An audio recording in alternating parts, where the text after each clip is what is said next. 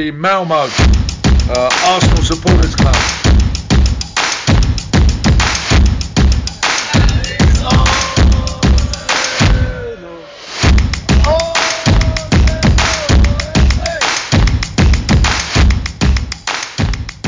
Då hälsar jag varmt välkomna till ett nytt avsnitt av Arsenal Malmös podcast. Eh, jag heter Rickard Henriksson och idag med mig som gäst så har jag en gäst som inte har varit med på ett tag. Jag tror det är cirka två år sedan.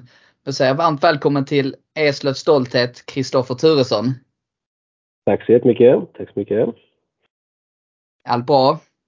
Ja men det tycker jag. Det tycker jag. Eh, som du sa, det är nu snart två år sedan jag var med. Eh, sist så kommer jag ihåg att vi satt och diskuterade om Arteta skulle stanna. Eh, jag var inte för det så att jag förstår att jag inte varit inbjuden på länge faktiskt.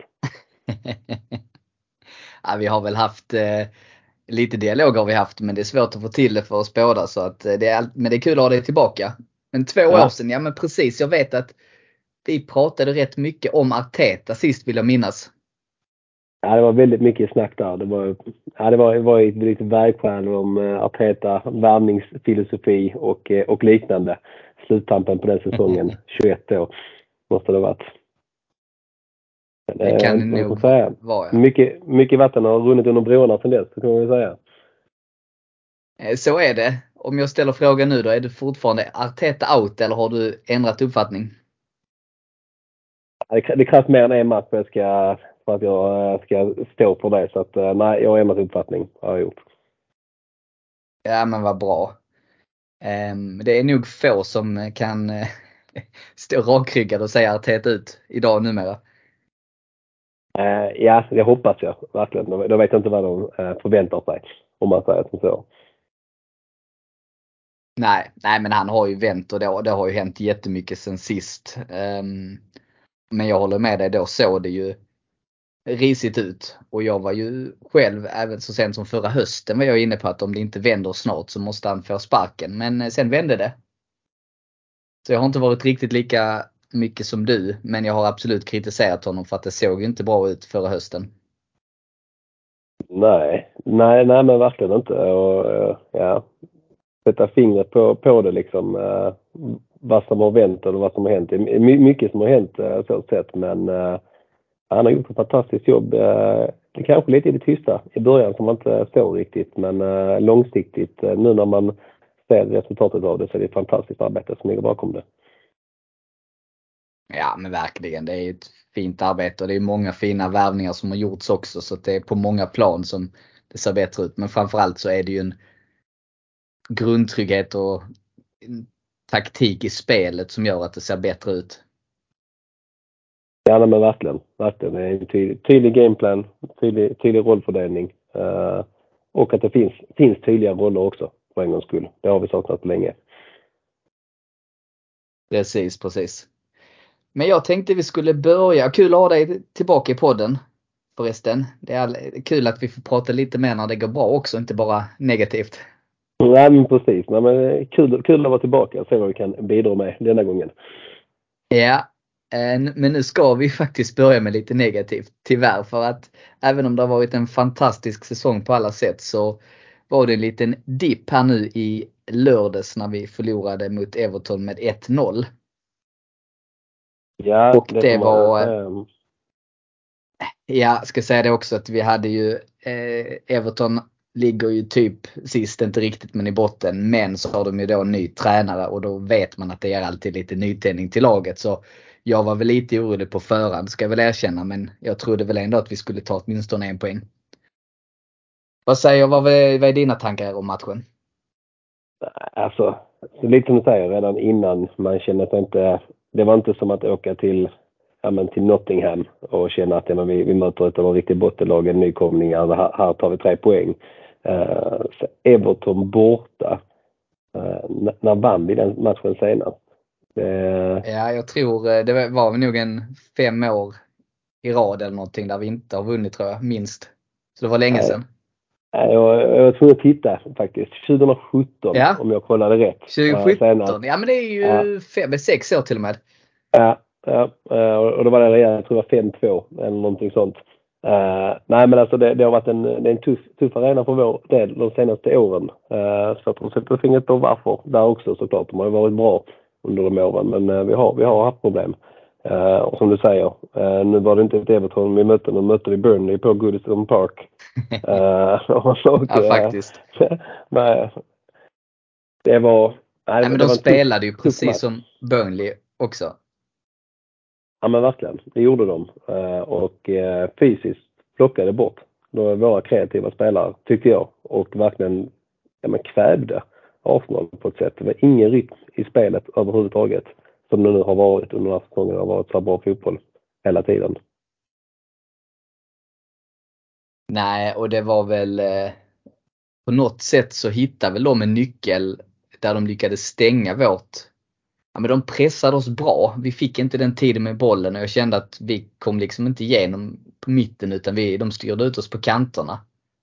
Och där, eh, och vi var lite överbelastade i mitten tyckte jag med Sinchenko som kommer in. Så det blev, ja men våra wingers blev väldigt isolerade. Och då kom vi inte igenom och sen försvarade de sig. Och så tvingar de ut oss på att slå inlägg. Och där är de ju starka i mitten där med som sagt gamla Burnley-spelare. Ja, nej, men verkligen. Eh, så var det egentligen matchen, matchen igenom, får man väl säga. Eh, Stackars en mot två, jag vet inte hur många gånger han hamnade där ute. De var ju duktiga verkligen på att täcka upp ytorna bakom. De lämnade aldrig till exempel att Saka en mot eh, en. För att han kunde liksom bryta igenom så som vi har sett. De dödade mitten, Partey, kanske inte hans bästa, nu blev det väl bara en halvlek ungefär, i Arsenal-tröjan detta året. Uh, men jag tycker de, de, de kvävde oss på rätt ställen. Jag tyckte det är tydligt ja. också att se när, man, när vi ligger under med 1-0. Om vi tar United-matchen som ett exempel. Vi låg under med 1-0, lika 2-2. Vi, vi bara maler på. Alltså bara spelar samma ja. tempo liksom, trycker. Vi tror på det liksom. Vi gör ingenting konstigt. Här försökte vi överarbeta det hela tiden. Vi fick ingen träff någonstans uh, på det. Uh, och det syntes väldigt, väldigt tydligt skulle jag säga. Det var en extremt frustrerande match att titta på. Det, det kändes som att år tillbaka i tiden. Ja men faktiskt. Men är du, är du inne på att det var mest vi som var dåliga eller var det att Everton faktiskt var bra? Jag är lite mitt emellan nämligen. Ja och nej, jag tycker inte vi kom upp på den energinivån uh, och liksom nej. den här ja, men, glädjen och det trycket. Det, det tycker inte att vi gör. Vi, vi gör ju en kanske en 70-60% insats som jag är snällt åt. Men Everton gör ju det bra också. Det är alltid en svår fråga.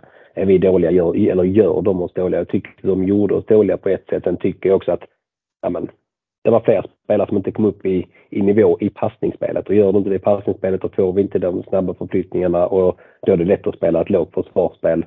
Eh, uh, på West Ham-matchen hemma för någon månad sedan. Jag kommer inte ihåg om det var innan eller efter juluppehållet faktiskt, eller VM-uppehållet. Men där hade vi jätteproblem med att göra mål. Jag tror vi bröt igen. Jag, jag håller ju med dig om att eh, sen, sen jag tycker ändå vi ska, måste vara så stora så att vi berömmer Everton eller Burnley. För de gör det bra. De gör det väldigt svårt för oss och det märks ju att Sean Dyche har kommit in och redan hittat nycklar som gör att de är ett bättre lag. Men jag tyckte att när vi märkte i halvlek att det inte fungerade så tyckte jag att Arteta borde gjort lite förändringar. Han säger okej, okay, de styr ut oss mot kanterna. Vi får inte överlappande ytterbackar. Jag hade redan i halvtid tagit ut både Sinchenko och eh, Ben White och tagit in Tomias och Tierney som är mycket mer överlappande. Så det, det bytet hade jag gjort redan i paus när han ser uppenbarligen att inte fungerar. Ja absolut och framförallt, framförallt Tomiyasu med Ben White. Tyckte han var, vi såg honom i första halvlek eller i matchen överhuvudtaget nästan. Uh, och samma som du säger med Sinchenko just för att öppna upp mitten mer och, och få, få mer ytor ut mot kanten. Så att uh, där hade, finns det ju andra bitar att göra sen. Ja, el, precis. Eller kanske ändra Sinchenkos roll för att han löper ju in eller tar sig in i mitten väldigt mycket och det är tydligt att det är ett, ett direktiv från Arteta. Men just i den här matchen hade vi behövt flytta ut honom så att han hjälpte till, hjälpte Martinelli. För Martinelli var ju alltid en mot två. Och jag tyckte enda gången som Saka fick väl lite mer hjälp från Ben White och de gångerna det blev farligt var ju faktiskt när Ben White eh, följde med upp i anfallet och tog löpningar. Ja, nej men det krävs ju. Framförallt när de är så duktiga på att täcka upp hela tiden. Så uh, oavsett hur bra hur bra de är Martinelli och. Så när de får stå två och vänta på dem så då blir det svårt att få, uh, få organiserat yeah. och få dem, för att kunna göra de här insticken. Då blir det mer inlägg därifrån och då, då är de för bra i boxen helt enkelt. Ja. Och vi var inte tillräckligt snabba med att flytta från sida till sida så det var rätt så enkelt för Everton att följa med i täckningen. Om vi var, de överbelastade högersidan, spelet var där, så kunde de släppa en gubbe på vänsterkanten. Det tog alldeles för lång tid innan bollen den bytte sida när luckorna fanns där. Så, nej, jag vet inte, det var mycket sådana små saker som jag störde mig på. Samtidigt som på ett sätt får man ju ge cred till Arteta för han kör ju på med sin spelidé och det är också det som har tagit oss så här långt hela säsongen. Så han trodde väl stenhårt på att fortsätter vi bara på det här sättet så kommer vi till sist mala ner dem. Vilket jag också trodde men ja, vi tappade lite, jag vet inte, fick inte samma flyt i andra halvlek. Tyckte trots att vi, allt, att vi började väldigt bra i första. Ja, precis, precis första, första tio var bra. Men sen, ja, ja. jag vet inte, jag tycker inte att vi, eh, att det är svårt att om man inte ser just den biten. Jag tyckte inte den här matchen hade inte en chans att mala ner dem. Vi kom aldrig in i det riktigt. Nej. Eh, de tog över för snabbt där på något sätt, så de första tio. Ja, och sen byten han gör, det är ju mer, nu ska vi se, han tar ut Partey ganska tidigt. Och sen så tar han ut Martinelli. Ja, Men jag kan ju köpa det men det blev, det blev inte bättre. Trossard var ju lika isolerad som Martinelli. Så att det blev ingen förbättring. Och sen Partey, Jorginho. Ja, Jorginho tyckte jag var ganska osynlig. Jag vet inte, vad säger du? Nej, det var väl ingen, ingen sprakande debut. Uh, men det är liksom du säger också, så det blir byte för byte. Alltså positionsbyte rakt av. Uh, det händer ja. ingenting då taktiskt och då är det mer upp till de individuella spelarna. Och, ja, då är det mer kanske vilken som har sin dag för att det är klart det är, det är duktiga fotbollsspelare allihopa där. Men jag tycker nog att här borde man kunna skruva lite för att ja. kunna, man, man ser att här, här händer ingenting. Ta United som jag sa innan, där hade vi kontroll på det tycker jag. Eh, de får något skitmål på en hörna men vi, ja, men vi kör på liksom. Vi har matchen. Vi hade mm. inte riktigt matchen här. Då tycker jag att där borde vi kunna, kunna twista på någonting i så fall. Um, tycker jag faktiskt. Ja, ja nej, men det är intressant precis för det, det är som du säger att eh, det är ju bytena blev ju spelare för spelare, det blev samma typ av det blev ingen förändring utan och då gäller det att de två spelarna som kommer in är sjukt, har en sjukt mycket bättre dag. Och det var inte så att varken Partey eller Martinelli var ju direkt dåliga men de hade kanske inte sin bästa dag.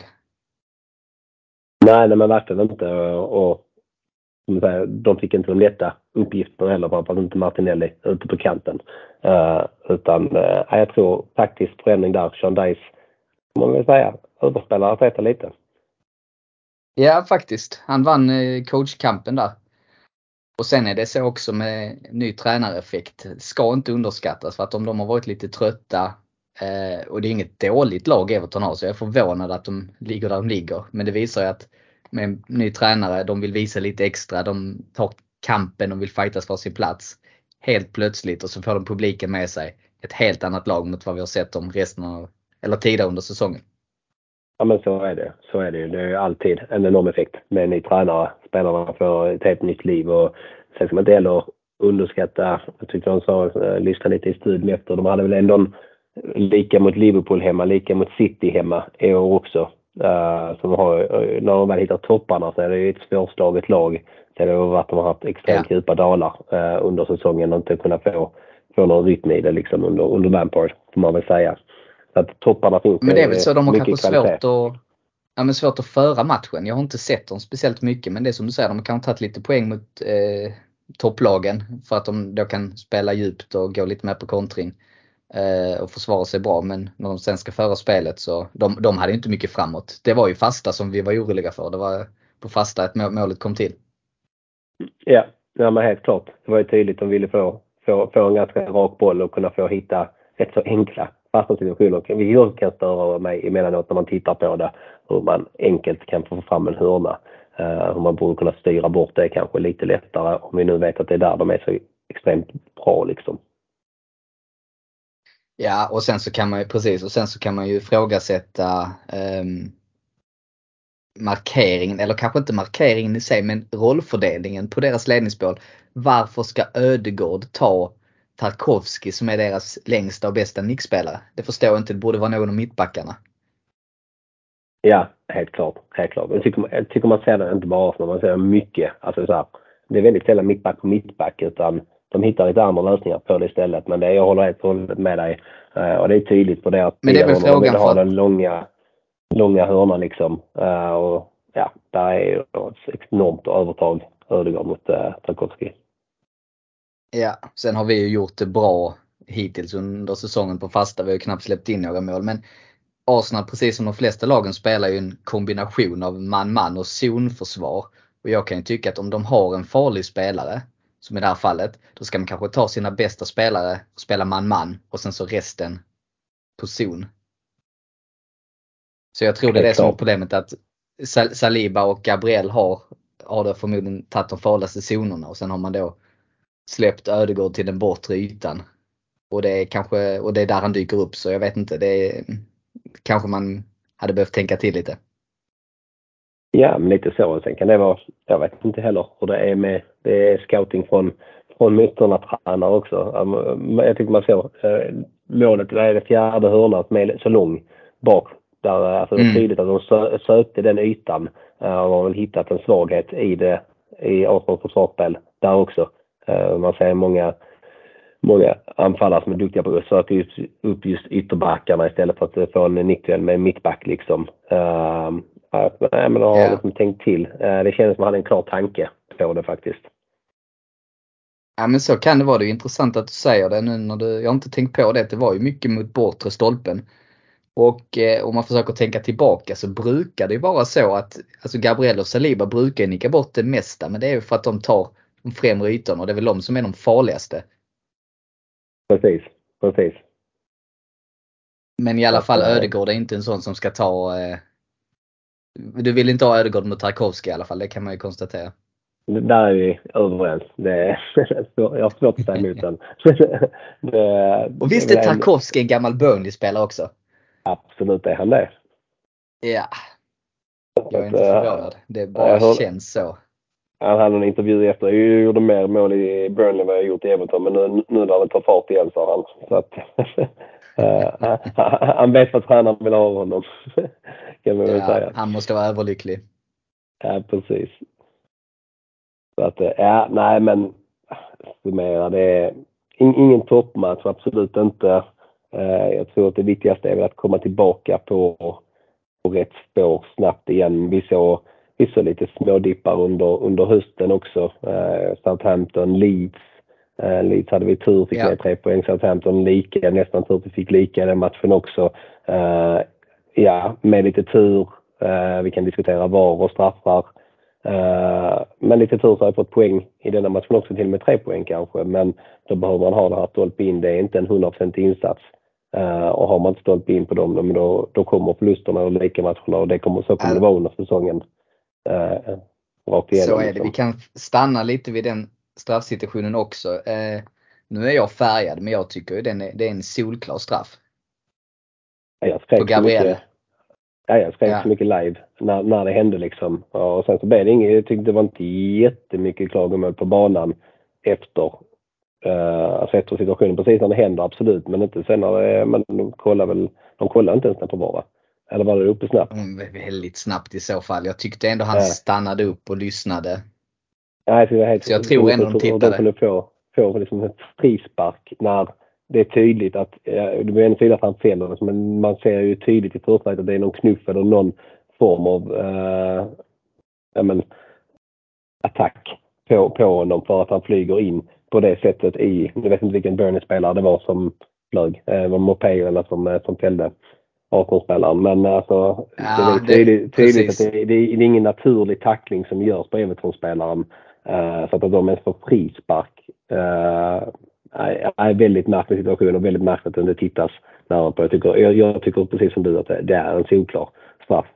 Uh, Ja, och han kan ju inte eh. blåsa frispark i alla fall. Det är väl klart att nu tittar inte VAR på frispark i det läget. Den hade de kanske gått in och rättat men det kändes som det spelade väl inte så stor roll. Men det är väl en av backarna som tacklar in Gabriel i Mapei. Om jag inte har helt fel för mig. Mapei är ju en riktig ful spelare, filmare. och det är Mopé som gör förseelsen ju. Det är kanske det va? Jag trodde Ja. han blev in, Nej, det, det, Nej, det är han som tacklar kanske. Ja, ja, det är han som gör förseelsen ja. Uh, så att eh, Gabriel flyger in där i, i Everton. Ja, okej. Men bara det jag menar att det är så extremt dålig känsla från domaren att blåsa frispark i en sån situation för att Arsenal säger att Arsenal-spelaren flyger in i honom liksom. Det är ingen naturlig tackling på något sätt. Eh, så då är det, Nej, men han, nej, han ser märkligt. nog inte han ser nog inte tacklingen, han ser nog bara att han flyger in i honom. Det måste vara det.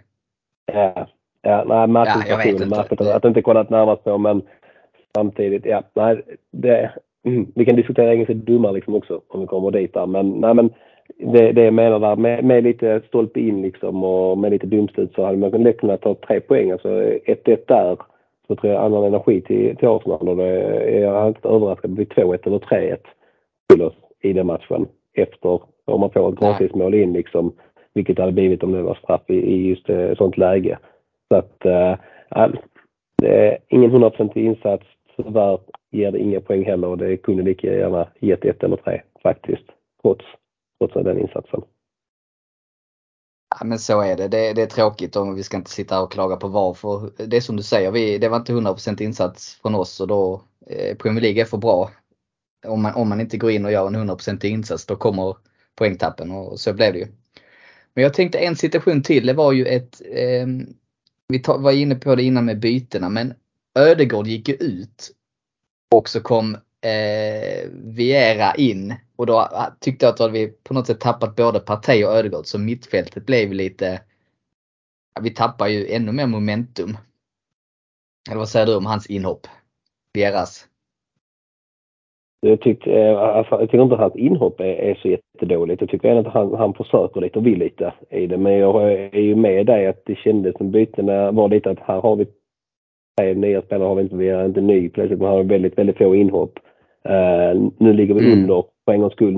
Nu, slänger jag in lite grejer. Det kändes inte, det kändes inte på något sätt genomtänkt utan det kändes bara, jag har lite andra spelare här, in med er. Eh, istället för att liksom, ja, hitta någon systematik i att ja, men, nu, nu twistar vi lite, nu ändrar vi lite, eh, nu överbelastar vi liksom. Men jag, jag tyckte... Nej, det, det, hände, det hände ingenting när det blev spelare för spelare på det sättet. Eh, Nej, och som det är säger, det man, som man hade- tappar ju här ryggraden i, i centrala mittfältet. Sen Ödegaard, nej han, han är ute ur matchen, absolut. Så jag kan köpa att han blir utbytt, faktiskt. Det, det är ingen bra insats. Och då, dels från hans sida och dels att eh, Everton gör det bra och plockar bort honom, tycker jag. Eh, men att man kanske hittar lite andra, andra lösningar på det. Ja men det håller jag med om och sen är det ju som du säger spelare för spelare. Där hade det ju varit skönt att ha en Giroud typ eller någon annan forward att slänga in. Eller en ytter, men någon, någonting mer som kan förändra matchbilden om vi ser att vi inte lyckas. De, vi tvingas ta inlägg. Det hade varit skönt att ha någon taget-spelare som kan vinna lite boll i den här typen av matcher. Eller en Smith Rowe som löper. Uh, Ja, löper det också. ytor från mitt, uh, mittfältspositionen. Tyckte inte Xhaka kom inte i de löpningarna. Alltså alltid en bekvämt, det blir inte samma flyt i mitten men de här ja, men gamla Ramsey-löpningarna som kom liksom, som Xhaka har gjort väldigt bra i år. Uh, som Smith Rowe, tycker han är bra på också att fylla på. Ja, men för den här rörligheten Mm. på mittfältet. Uh, Smith Rowe kasta in, uh, hade kunnat göra mycket. Uh, så att, ja. Lite minus ändå till Arteta. Ja. Som igenom med, med bytena. Ja men det är sant. Men nu var väl Smith Rowe skadad väl? Eller satt Ja. han på bänken? Jag, Nej, jag, jag tror han var skadad, att han inte var med. jag tror det också för det är synd. För det är precis som du säger, då, då har du en annan spelartyp, någon som kan förändra. Hade du tagit ut Xhaka eller Ödegård för den delen och slängt in honom istället, då hade du fått en annan, annan typ. Då hade det kunnat hända, alltså just att du ändrar spelsättet lite grann. Jag tror det var det vi behövde göra, inte bara byta spelare för spelare. Ja, precis. Precis. Eh, så att, uh, ja men detsamma även Xhaka mot Vera kanske, alltså få in två offensiva. De kanske frigör Ödegaard lite eh, på mitten. Alltså, ja. ja, men alltså att du försöker twista lite och chansa lite. Framförallt när vi ligger under. Jag tycker liksom, ja men chansa. In med någonting. Försök få någonting Ja, det hända. kanske var det när vi, när vi tog ut ehm, eh, Xhaka. Det var kanske inte Jorginho vi skulle tagit in. Vi skulle kanske tagit in eh, Viera redan då. som du säger för att, och sen flytta ner Xhaka och sen så just få ändra lite. Precis, precis. Ja. Men få överraska eh, det här mittlåset eller låset som Chandais har eh, satt upp liksom. Eh, för att försöka luckra upp det Mm. eh, centralt. För att det, även om vi har bra wingers centralt är det extremt viktigt för oss att vi får igång Ursäkta, men att vi har med Ödegaard i det här spelet framförallt och får med Xhaka i de andra öppningarna. Och eh, Kväver de mitten, då har vi inte det. och Då kanske vi hade behövt två, två eh, kreativa typer där inne samtidigt. Ja, nej men det är intressant. Men vi kan väl konstatera, det var ingen toppeninsats. Vi förlorade med 1-0. Vi tar nya tag. Men innan vi stänger matchen så har vi ett segment som, där vi brukar utse matchens tre kanoner. Det är väl lite svårt i den här matchen, men jag tänkte vi skulle göra ett försök. Jag tänkte att du får börja med att säga vilken spelare i Arsenal du tyckte var bäst. Jag gör det inte lätt för mig här Rickard. Det, det får jag nog Nej. säga. Det ska det inte Eh, vara. Bäst i Arsenal. Eller en av, det behöver inte vara bäst, men en av dem. En, en spelare som du tyckte utmärkte sig, som ändå gjorde en bra insats. Jag kan ta en så länge om du vill fundera lite. Ja, men ta det än så länge så eh, börjar du. Ja, men då skulle jag vilja lyfta fram Saliba som jag tyckte har varit lite halvskakig här sen VM. Men nu tyckte jag ändå han, han gjorde en rätt så bra insats. Jag tyckte höll ändå borta eh, det mesta hotet i anfallsväg faktiskt. Och var även trygg med positionsspelet och trygg med bollen. Ja, men det får jag säga. Det får jag hålla med om, absolut. Um, ska vi gå in på stabila insatser? Jag tycker väl Ramsdale gör väl inga direkta större misstag heller. Uh, han kan inte göra så jättemycket på målet. Uh, Nej. och bjuder inte på någonting annat. Uh, nu gör jag det enkelt för mig när jag tar honom. Uh, så. Ja. Um, att nej, men han gör en, yt, ytterligare en stabil insats, om man vill säga. Uh, sen är det, alltså, jag tycker det är många som gör okej insatser. Ja. Det att vi Jag tyckte även Saka var rätt bra i första. Men sen så Ja, ja. var det uppenbart att han behövde hjälp. Jag satt också fundera på honom. Han han gör ingen dålig insats. Det väl mer att ja, men de, de var två där hela tiden. Han kommer inte riktigt loss. Men vi ser också Ja. så fort han kommer lite loss, då händer det grejer direkt. Då blir det farligt. Så att han, han, han försöker ju och kämpar där ute liksom.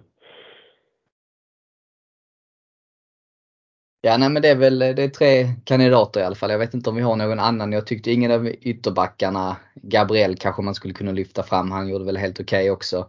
Jag tycker inte någon av mittfältarna gjorde det bra för att där, det var där vi tappade. Och så Martinelli, han gjorde ingen dålig match men det är precis som med Saka, han kommit igenom. Enketia var ganska osynlig så han ville inte heller lyfta. Nej, han, han såg vi inte mycket av tyvärr i denna matchen. Uh, gjort det väldigt bra annars. Men nej, han försvann helt. Uh, Ja. Så det känns som de tre vi har eh, varit inne på där. Saka, eh, Saliba och Ramsdale kanske. vi får köra på de tre denna gången, tänker jag. Vi kör på de tre.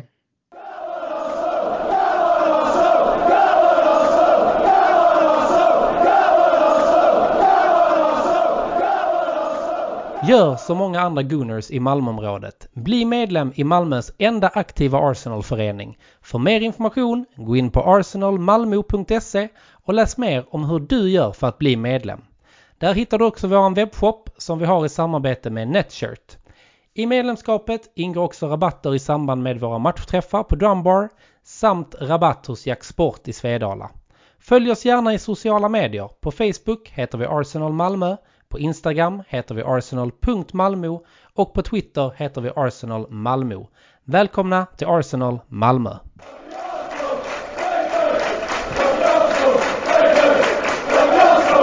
Och sen tänkte jag att då stänger vi Everton-matchen och blickar vidare. Men innan vi blickar till kommande matcher så tänkte jag bara kort eh, summera lite här kring transfer och snacka lite med dig och höra vad du tycker. För vi hade ju en live på där på i sedvanlig ordning på deadline day. Jag vet inte om du har lyssnat på den Kristoffer?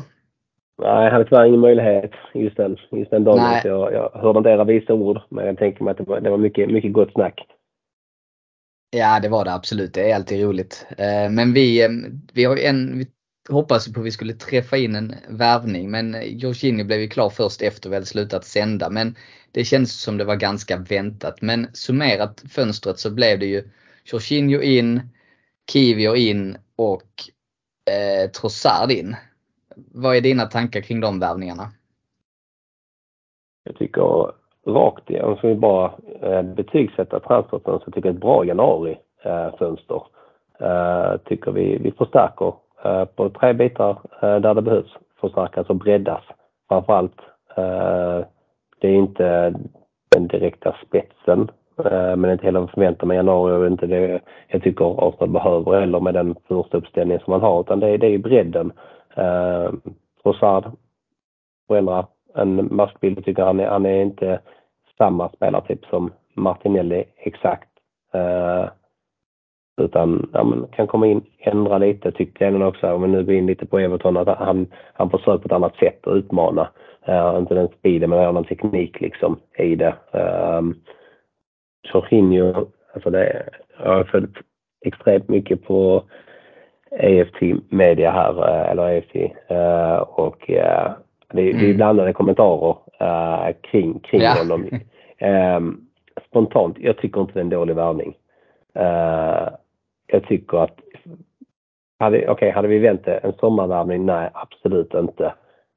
men här behöver vi få in någonting för att om Partey blir skadad då är vi körda i min mening. Där finns ingen backup. Yeah. Uh, Fofinho är bra nog för att ersätta honom några matcher. Det är inte samma uh, kaliber, absolut inte, men det är det ju kanske sällan på andra spelare. Uh, det är svårt att ha två exakt lika bra spelare. Men rutinerad, bra med boll generellt sett. Uh, jag, jag, jag ser det som en väldigt bra värvning istället för att betala överpengar uh, till Brighton i detta läget vilket var alternativet. Ja, och jag håller ju med. Ja, men jag håller med allt du säger. Jag var väl först ganska skeptisk. Jag tycker att han är bra spelare med bollen och det såg vi. Då påminner han lite om Partey. Men jag tycker han är rätt risig utan boll. Han ligger väl lite fel i positionsspelet. Han är långsam. Han är inte den här fysiska bollvinnaren som Partey är. Så där känner jag att ja, men där kommer det bli en nedgradering. Men med bollen, han är skicklig han är väldigt bra på att hålla i bollen, styra tempot. Framförallt är han ju en väldigt bra spelare att slänga in om vi leder och vill stänga matchen. För han är väldigt bra på att hålla i bollen och kanske sänka tempot lite. Ja, nej men absolut. Jag tycker det, jag tycker det är ett jättebra komplement till Partey. Tycker jag. Ja. Uh, så att, och framförallt nej. gör ju det att men med honom så gör det att vi inte har lika stort behov av att spela Partey 90 minuter utan nu kan vi rotera och vila honom lite och kanske vila Xhaka lite. Så jag tror att han kommer nästan spela varenda match men han kommer kanske inte starta så mycket utan han kommer vara mycket inhoppare. Ja, nej men äh, håller med dig där och det är väl den rollen han ska ha. Men lagom 18 månader kontrakt. Äh, skulle vi få, få chansen på Caicedo, om jag uttalar det rätt här, under sommaren och det, det går igenom, ja då sitter vi inte eh, i sjön heller utan man, man, kan gå på en värvning under, under sommarfönstret också. Om ja. man hittar mer långsiktig lösning på det. Men kortsiktigt för att eh, av denna säsongen klockrent, tycker jag faktiskt. Ja, och relativt billigt också så det tyckte jag, nej men det kändes väl rätt. Sen hoppas jag ju på Declan Rice i sommar. Jag tycker ju Caicedo, men det är en bra spelare, absolut. Och han är klart bättre än Jorginho hade passat. Är väl mer lik Partey. Men sen samtidigt för de summorna, 80 miljoner pund, vi skulle slå ett chans på rekord. Jag vet inte. Det tycker jag känns lite, så bra är han inte. Nej, vi kan gå tillbaka just när det är ett januarifönster. Vi, vi tar Trossard, eh, Mudryk istället. Alltså om vi pratar om de här enorma beloppen. Ja. Eh, jag tycker jag ser hellre Trossard för denna säsongen. Sen vad vi gör i sommar, det, det tar vi då liksom. Eh, men att gå in och betala de pengarna för en spelare som inte är tänkt att starta överhuvudtaget i grundtanken utan ska vara liksom för att bredda truppen i ett januarifönster för ett överpris absolut han är en jätteduktig fotbollsspelare men har inte bevisat över tid överhuvudtaget. Jag tycker att Arsenal gör rätt i bägge de här fallen. Uh, ja, jag, jag håller med. Även om det klart hade varit både Mydruk och Caicedo hade väl varit bättre spelare kanske. Eller Mydruk har jag inte sett så mycket men det, av alla rapporter och det man har, lilla man har sett i Chelsea så är det ju lovande, absolut. Men Trossard är ju ändå och Premier League-erfarenhet. Han gjorde det jättebra när han kom in mot United. Han var även bra mot City. Lite svagare match nu men jag tror vi kan ha stor nytta av honom och att han kan spela på lite olika positioner. Så spontant tyckte jag det känns som en jättebra värvning. Ja, jag håller med. Uh, nej, men bredden. Det är bredden, alltså om vi nu pratar i, vad, vad bytte vi in, vad, vad gjorde vi i matchen nu senast? Om vi inte hade haft de här spelarna som eh, nu, Vera med tanke på att Smith Rowe är skadad också, då har, har vi ingenting liksom. Nu har vi fått en lite bredd där det faktiskt finns någonting att jobba ja. med för Arteta. Så att eh, Kivio, eh, väldigt dålig koll på faktiskt. Jag såg att han hade slått ett och annat eh, rekord här nu på träningsanläggningen. Så att, eh, så så jag såg det och det är ju för framtiden. Ja men precis, precis. Men även där känns det bra för att Nej, nej samma här. Men även Gabriel har ju spelat nästan varenda match för oss. Han hade väl lite vila i ligacupen och Europa League men annars har han spelat väldigt mycket. Och därför känns det bra att få in, få in en spelare till ifall det skulle hända någonting och kanske låta honom vila någon match här och där. Så att inte han heller går sönder. Ja nej, men precis. precis. Nej som sagt jag, jag, jag tycker bredd, att bredda upp där på det sättet. Eh, bra, bra fönster, bra januarifönster får jag säga. Tycker jag. Ja men det enda jag känner, jag tycker fortfarande mittfältet är lite tunt för nu lånade vi, Elnen är ju skadad borta resten av säsongen så då blev det ju en spelare, Elneny ut och Gino in då kan man säga. Men sen så släppte ju även eh, Lukonga på lån. Så visst han behöver speltiden och för hans utveckling är det helt rätt. Men då känner jag samtidigt, jag tycker vi är rätt tunna på mittfältet för vem skulle, vem skulle, om Xhaka nu blir skadad eller avstängd i en match, vem ska spela där då? Det är inte klart. Ja, då får det bli Partey och Jorginho eller kanske flytta ner Vera, Ödegård eller Smith Rowe som är lite mer oprövade på den positionen. Så ja, jag är inte helt, visst han behöver speltiden, jag köper det, men jag hade nog tyckt att vi hade behövt behålla honom faktiskt. Vad säger du? Du delat såklart. Jag, menar, jag köper ditt spår där faktiskt. Uh, har inte tänkt i de banorna innan uh, riktigt. Men nej, det är klart, där är vi tunna.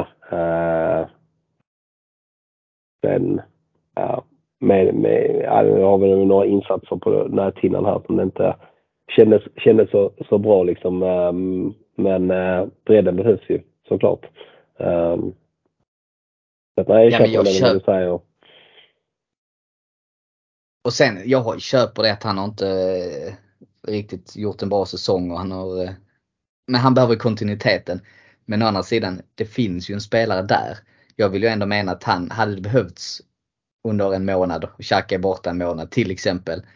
Då tror jag han hade kunnat med lite förtroende gå in och kunna göra ett jobb i alla fall. Men vi får väl bara hålla tummarna nu att våra mittfältare håller sig hela för där är jag faktiskt lite orolig. Och jag tror att om vi vinner ligan eller inte står och hänger på, på vår mitt, vårt mittfält faktiskt. Ja, nej, det kan det mycket, mycket väl göra. Absolut. Uh, och där får man väl hoppas att det finns, ja, men finns någon lösning. Uh, som du säger, om Xhaka går sönder, att uh, Jorginho, Partey kanske kan spela eller Vera kan hoppa in där, eh, Smith Rowe tillbaka. Att eh, Arteta har, har någon tanke liksom bakom det, att han tycker att han har, jag vill nu ändå rabblar upp de här, att uh, han har då sex spelare på sitt innermittfält. Uh, det är bara att vi, jag ser ingen annan radarlösning, Partey, Xhaka i någon av de andra spelarna riktigt. Uh, och det är lite du är inne på också ju. Att skulle någon av dem gå sönder så är det inte riktigt det här samspelet där de har en tydlig roll eh, som de har i, i dagsläget. Eh, sen samtidigt där är sex innermittfältare på, på tre platser som man har, har att laborera med. Nej, och jag håller med dig. Ehm, jag ser ju inte riktigt lösningen. Jag får ju hoppas att Arteta har en tanke och det tror jag han har. Antingen det eller så bara hopp, ber han till Gud om att de håller sig skadefria. Men jag tror ju inte det. Jag tror ju ändå att han har en tanke. Han har en, ett S i rockarmen att slänga in om det skulle behövas. Jag tror faktiskt det. Men eh, jag är lite orolig vi får hoppas det inte blir så. Men för att summera, jag är inne precis som du säger, det är ett, det är ett bra januarifönster. Vi förstärkte bredden, vilket var det vi behövde när vi ändå har en bra startelva. Ja, ja men så får vi summera upp det ändå. Tycker jag. Det är snart eh, bara fem månader kvar till nästa chans för fönster så att det, det är bara bita ihop. För oss som älskar transferrykten ja, det är väl de första åren på, på länge som vi tycker det är spännande med transferfönster, höll jag på att säga. Uh, det känns, ja, men som du var inne lite inne på Declan Rice, uh, men det känns som att vi, vi har möjligheter att värva spelare som vi vill ha på något sätt. Uh, även om vi nu blev hijackade på, på några här som det kändes som så känns det ännu mer lovande än på länge.